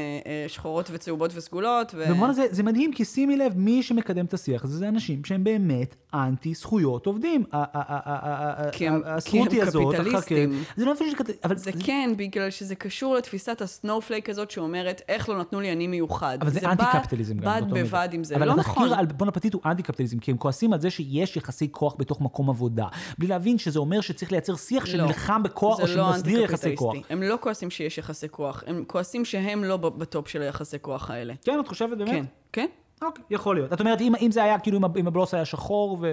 ואז את אומרת, בגלל זה אין, לא אין תחקיר נגד הניו יורק טיימס, כי הניו יורק טיימס נערך על ידי גבר שחור כבר כן? תקופה ארוכה, יכול להיות. כן, שום אנטי קפיטליסטי, בגלל זה גם האנשים האלה לא מעניין אותם זכויות עובדים. הם. בסדר שהמצב יתנהל בדיוק כמוהו, רק שהם יהיו בתוך מי שחשוב. אני, מה שקשה לי עם הדבר הזה, זה כמה, כמה השיח הזה צריך להקטין את האנשים האלה. זאת אומרת, כמה השחורה הזאת, לפני 20 שנה הייתה יכולה להיות גאה בעצמה, שהשיגה את המינוי של הדיברסיטי, ופעלה ובנתה קריירה. כן, והיום צריכה לשבת בבית ולהרגיש אשמה. להרגיש אשמה, והיא בוכה שם ברעיון. היא אומרת, אני מתביישת, I walked into... וזה הורג אותי, וזה, וזה מתחבר למה שאני בדיוק מרגיש שהוא הוא הליבה כאן, שזה ביטול הפוליטיקה. זאת אומרת, אם תשווה את זה לבלק, ל-civil rights movement, זאת אומרת, זה כאילו הם לא יודעים לעבור את שלב ה-outrage. זאת אומרת, כן. הם רק מזועזעים. זה כאילו רוזה פארקס הייתה נשארת מול נהג האוטובוס ואומרת לו, אני לא מאמינה שבאלבמה של 1960, אישה שחורה, ואתה אומר, מה זה את לא מאמינה? את באמת לא מאמינה? לא, ברור שאת מבינה שזה כן. נכון, זה בדיוק... אני לא מאמינה שזה קורה, אני לא מאמינה שזה קורה, אני לא מאמינה שזה קורה. אבל זה בגלל זה מה שאנשים לא מבינים, שהגדולה של ה-Civil Rights Movement כתנועה פוליטית אמיתית היה בדיוק זה. נכון. שהם ידעו בו זמנית to outrage ו-to act. היום רוזה פארקס, בתחקיר הזה, ואני אומר את זה, זה נשמע נורא, אבל אני באמת מאמין לזה, היום רוזה פארקס, היו שופטים אותה על זה שהיא משתמשת בתחבורה ציבורית של מערכת אפרטהייד. נכון. אומרים, למה היא בכלל עולה על האוטובוס? מוחמד עלי, תמיד אני מביא את הדוגמה הזאת, מוחמד עלי קרא לעצמו מוחמד עלי בדיוק כי הוא לא רצה שיקראו לו בשם הרשמי שלו. במשך 20 שנה הניו יורק טיימס וכל עיתון קרא לו קשיוס קליי. כל פעם הוא היה רב איתם. והוא שואל אותו, למה, למה, אתה קורא, למה אתם קוראים לי קשיוס קליי ולא מוחמד עלי? מוחמד עלי is my, my name, call me by my name. ואז העיתונאי אומר לו, תשמע, אבל לא החלפת את השם שלך בצורה רשמית. אז הוא אומר, אני לא אלך בחיים לשופט לבן לבקש להחליף את השם שלי, זה השם שלי ואתה תקרא לי ככה. אם הוא היה נשאר רק בשלב של, ה New York Times קורא לי לפי ה slave name שלי. כל העניין זה שה struggle הפוליטי שלו היה, you will call me by my name and my name is מוחמד עלי. נכון. זה כל ה struggle. זה בדיוק המקום הזה שבמובן מסוים גם לכבד את הבן אדם שאתה רב איתו. בדיוק. ולתת לו מקום, ולא להגיד כאילו מין, איך הם עושים את זה? אני לא מאמין, הם לא בסדר. המקום של השיפוט המוסרי הזה, אין לו מקום כשמנסים לעשות מאבק. זאת אומרת, אין לו מקום מבחינת, באמת צריך להתקדם ממנו. בסדר, אמרנו, זה לא היה בסדר. הסכמנו כולנו שהדברים האלה לא בסדר. ומה עכשיו? זאת אומרת, המקום של לא להסכים אפילו לריב, ולא להסכים כאילו להיאבק על הדבר הזה, כן. בגלל שזה כל כך לא בסדר בעיניך, שאתה כל כך outraged מזה, זה מקום שלא מוביל אותנו לשום דבר. ובמובן הזה, תרבות הקנסלינג היא מאוד בעייתית, כי היא בדיוק באה נגד לעשות משהו. נכון, במקום בדיוק, לנסות בדיוק. לשנות, אתה מבטל. זה, בדיוק, יש בזה משהו בדיוק, נורא בדיוק. פחדני ונורא נורא אנטי... אה, אנטי אה, פוליטיקה, זה אנטי פוליטי. נכון. זה פשוט אנטי, זה בדיוק, על- עלית על זה.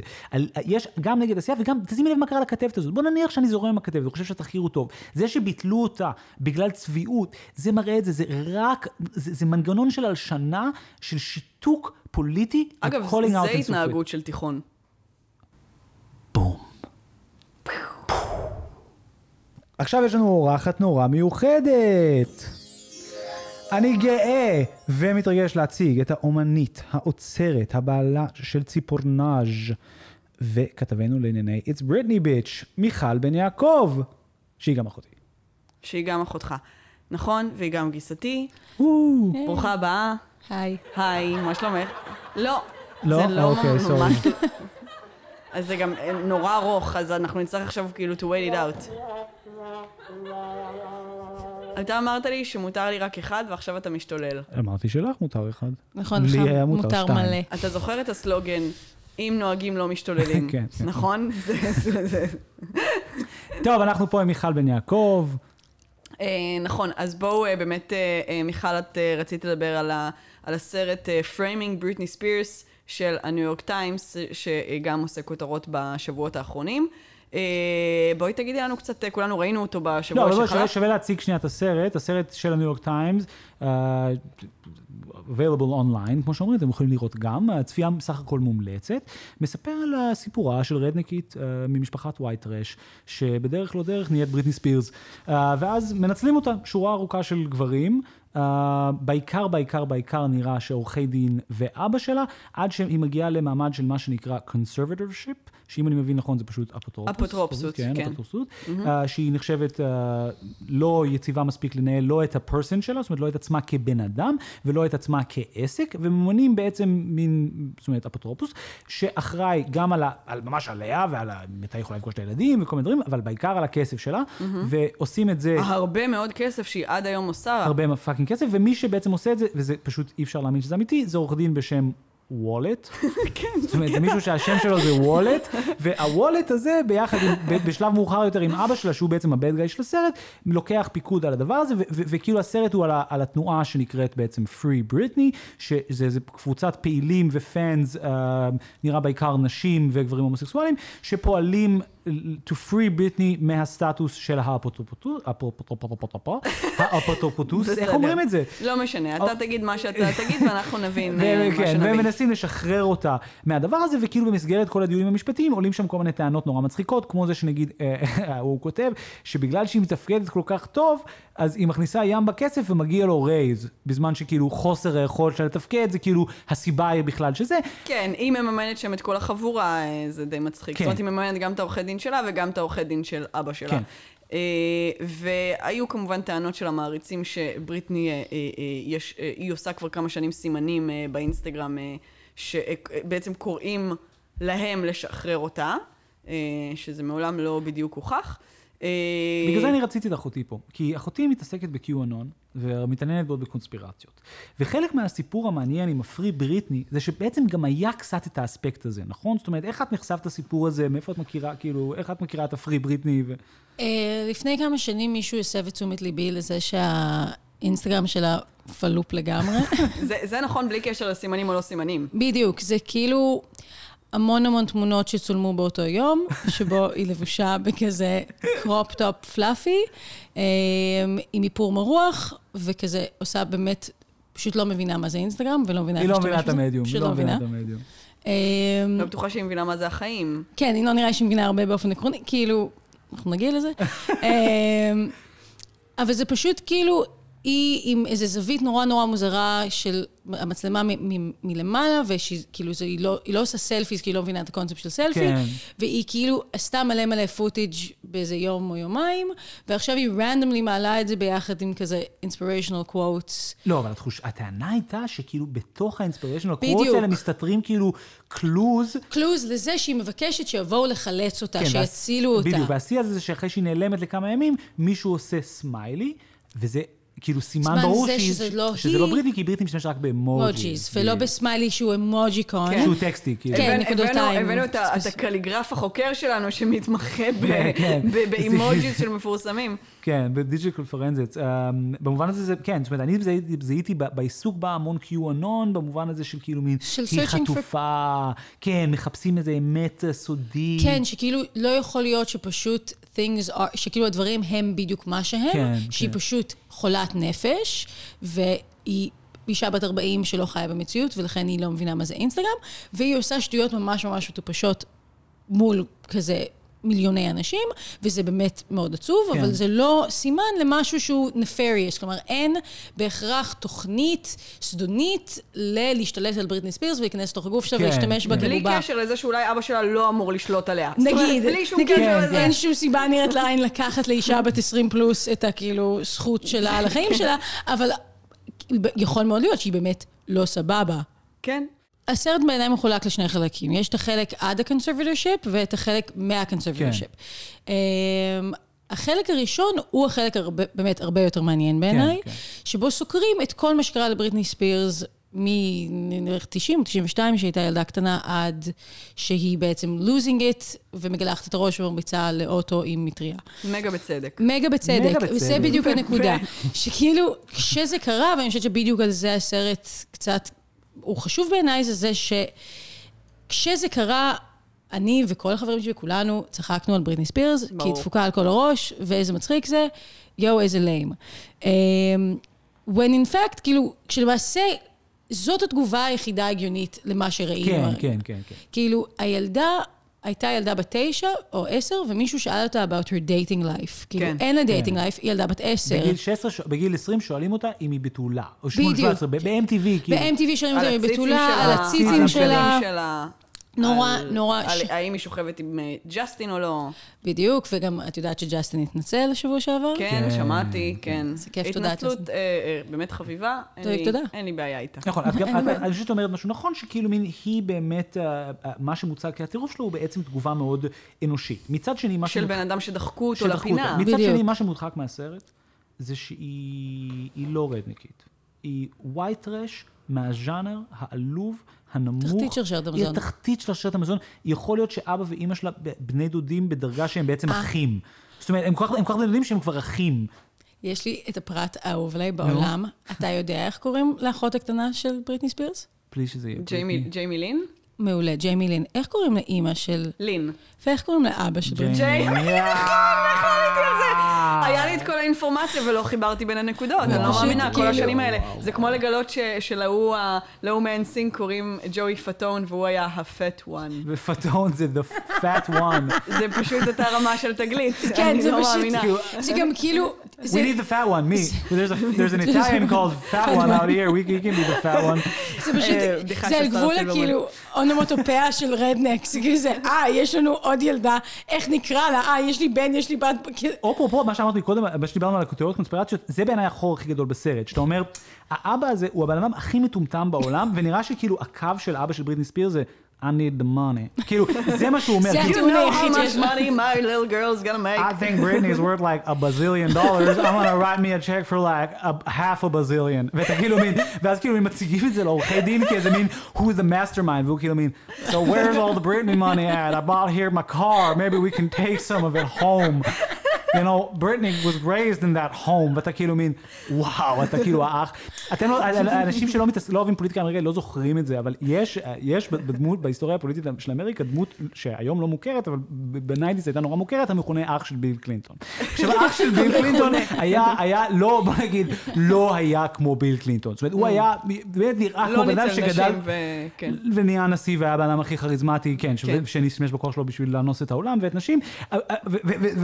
ואח שלו היה מין, כאילו, הוא היה רדניק מהז'אנר שכאילו מין, באמת הקולנוע האמריקאי לא יודע להכיל. כאילו הוא היה סוואם פרסון, שכאילו נראה שהדימוי שלו ליום, לכאילו זיון טוב זה בקבוק בד וייזר.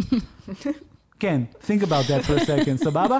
זה, זה הסוגה. עכשיו, בריטני ספירס, בתוך כל הדבר הזה, אתה אומר, היא מנוצלת, זה, לא יודע, כאילו, היא, היא, היא, היא, היא פשוט רדניקית ש, ש, ש, שבאמת שרה מאוד טוב ועובדת נורא קשה, וכן, נכון, היא מנוצלת, אבל זה לא קונספירציה. לא, אבל זה, אני גם חושבת שזה החלק מעבר לעובדה שחוקית, אכן היא מנוצלת על ידי אבא שלה והעורכי דין האלה. בטח.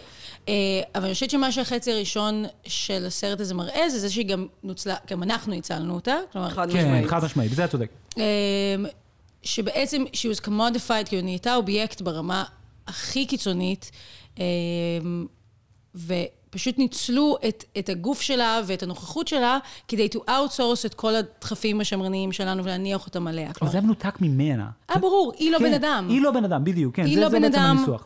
בדיוק. היא לא בן אדם, היא לא סובייקט, וכאילו, אני בטוחה שכן, ואני בטוחה שמאוד קשה לה, או לא, היא. סובייקט, היא סובייקט של, של, של, של white trash. לא, כן, פשוט זה לא כל כך מעניין אותי וזה לא כל כך כן, ענייני. כן, אין, כאילו. גם אין לזה הצצה, זה כאילו מאחורי הווילון.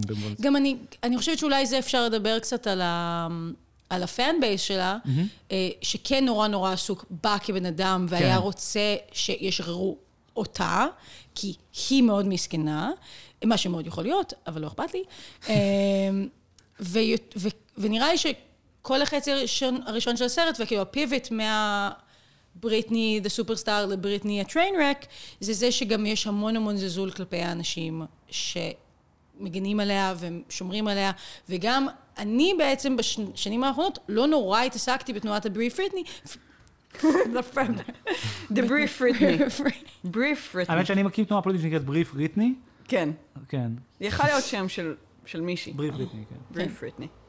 אמ, שכאילו גם עריצים כמוך בעצם איבדו עניין בה. כן, היא באה איתי עניין בה, היא כאילו סבבה, היא משוגעת, זה הגיוני, אוקיי, קול. כן, היא הפסיקה להיות גם רלוונטית מבחינה מוזיקלית, זאת אומרת, היא הוציאה שירים נהדרים עד לפני, אני חושבת, שש שנים, ו- ו- ושם זה נפסק. טוב, אבל בשש שנים האחרונות היא בטח כאילו whacked out on drugs בבית שלה, במנשן, ועושה סלפיז מוזרים. ו- והולכת לווגאס אה, אה, למכור את נשמתה אה, דווקא וגאס היה מעניין, שהיא מקבלת בעצם את הדיל הכי שווה בווגאס, כאילו מאז fucking, לא יודע, פרנק סינטרה, כאילו בערך, משהו כן. כזה. כן, היא כאילו מדונה... כן. אם אתה נוסע לשם ב- בימים כתיקונם, זה, זה המופע המרכזי ש, שהם מציעים שם, שמשני חברים שהלכו אליו הבנתי שהוא מזעזע, אבל אה, אה, זה לא לעניין. אני חושבת שהאפקט, יש משהו אה, נורא נורא מעצבן בסרט הזה, כי רואים אותו וברור לי מה האפקט שאני אמורה להרגיש.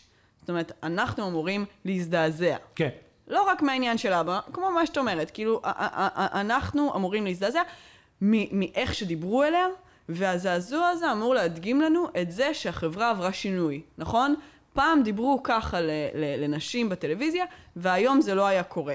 אה, אה, עכשיו, זה לא רק בריטני, זה באמת, אה, וזה גם קצת מוצג שם, אבל, אבל, אבל זה חלק מכ- מכמה נשים שעברו את אותו באשינג, שזה לינזי לוהן, נכון. וזה פריס הילטון. הילטון, וזה הנסיכה דיאנה, כמו שראינו בעונה האחרונה של הכתר, שסובלת מאותו יחס, וגם מוניקה לוינסקי, שגם מוצגת שם בקטנה וגם קשורה לאותו דבר. אחוז, מאה אחוז. וזה בא להראות לנו איזושהי שורה של נשים שבאמת אה, אה, was mistreated והתייחסו אליהם רק בצורה מינית ומקטינה ומשפילה ו, ובאמת דחקו אותם ל, ל, למקום כל כך קיצוני שלא פלא שהם פנו להפרעות אכילה, שימוש בסמים, נהיגה בשכרות אה, והתמוטטות עצבים ו... כי, כי באמת השדר הוא מוסר כפול. זאת אומרת, זה נשים שמה שעשו להם זה לבקש מהן אה, אה, אה, אה, להחצין את המיניות שלהם, כי זה המטבע היחיד שהן יכולות לסחור בו, ואז ביישה אותם על זה. כן. זה, זה, זה מאוד פשוט, זה מוסר כפול שאנחנו כנשים מכירות, ובמקרה ש, במקרה קצה של הנשים האלה, פשוט הובא לאיזה אקסטרים שגרם להם לאבד את זה בגלל שאת באמת לא מבינה מה את אמורה לעשות. אם אמרו לך, מה, אם אמרו לך לעשות משהו ואז שעשית אותו, אז צוחקים עלייך. עכשיו, זה, אה, אה, אה, זה מצחיק, כי דווקא היחידה שיצאה מזה בסדר, במובן מסוים זה פריס, אבל כן. זה כנראה כי היא גדלה בתוך הדבר הזה, וכנראה גם היה לה חלק יותר גדול בשליטה בתוך הנרטיב ש, של עצמה. אבל אני חושבת שמה שצבוע פה, זה שנשים עדיין מקבלות את היחס הזה, פשוט בצורה הרבה יותר סמויה.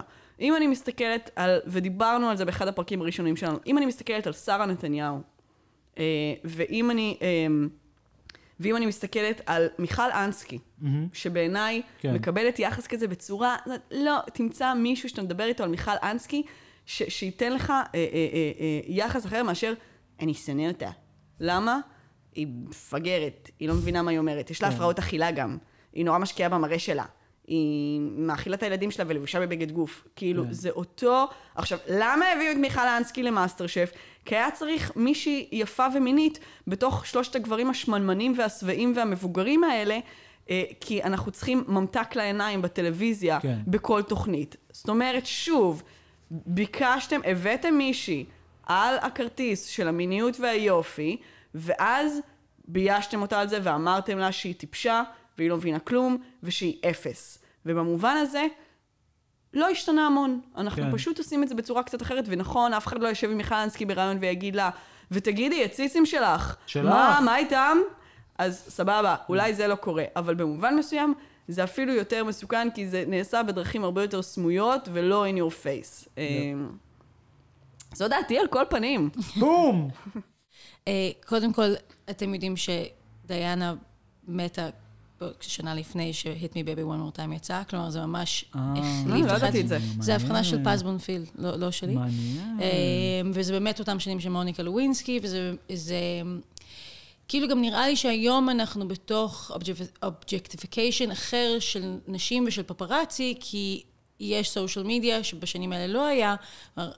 קים קרדשיין לא צריכה שאף אחד ירדוף אחריה עם מצלמה, כן. היא עושה את זה בעצמה. כן. אה, יש משהו כאילו empowering בזה שהיא לפחות מחליטה באיזה אופן היא הופכת להיות אובייקט מיני, אבל באמת הנשים האלה, זה לגמרי נלקח מהם הזכות לקבל עצמם נכון. החלטות.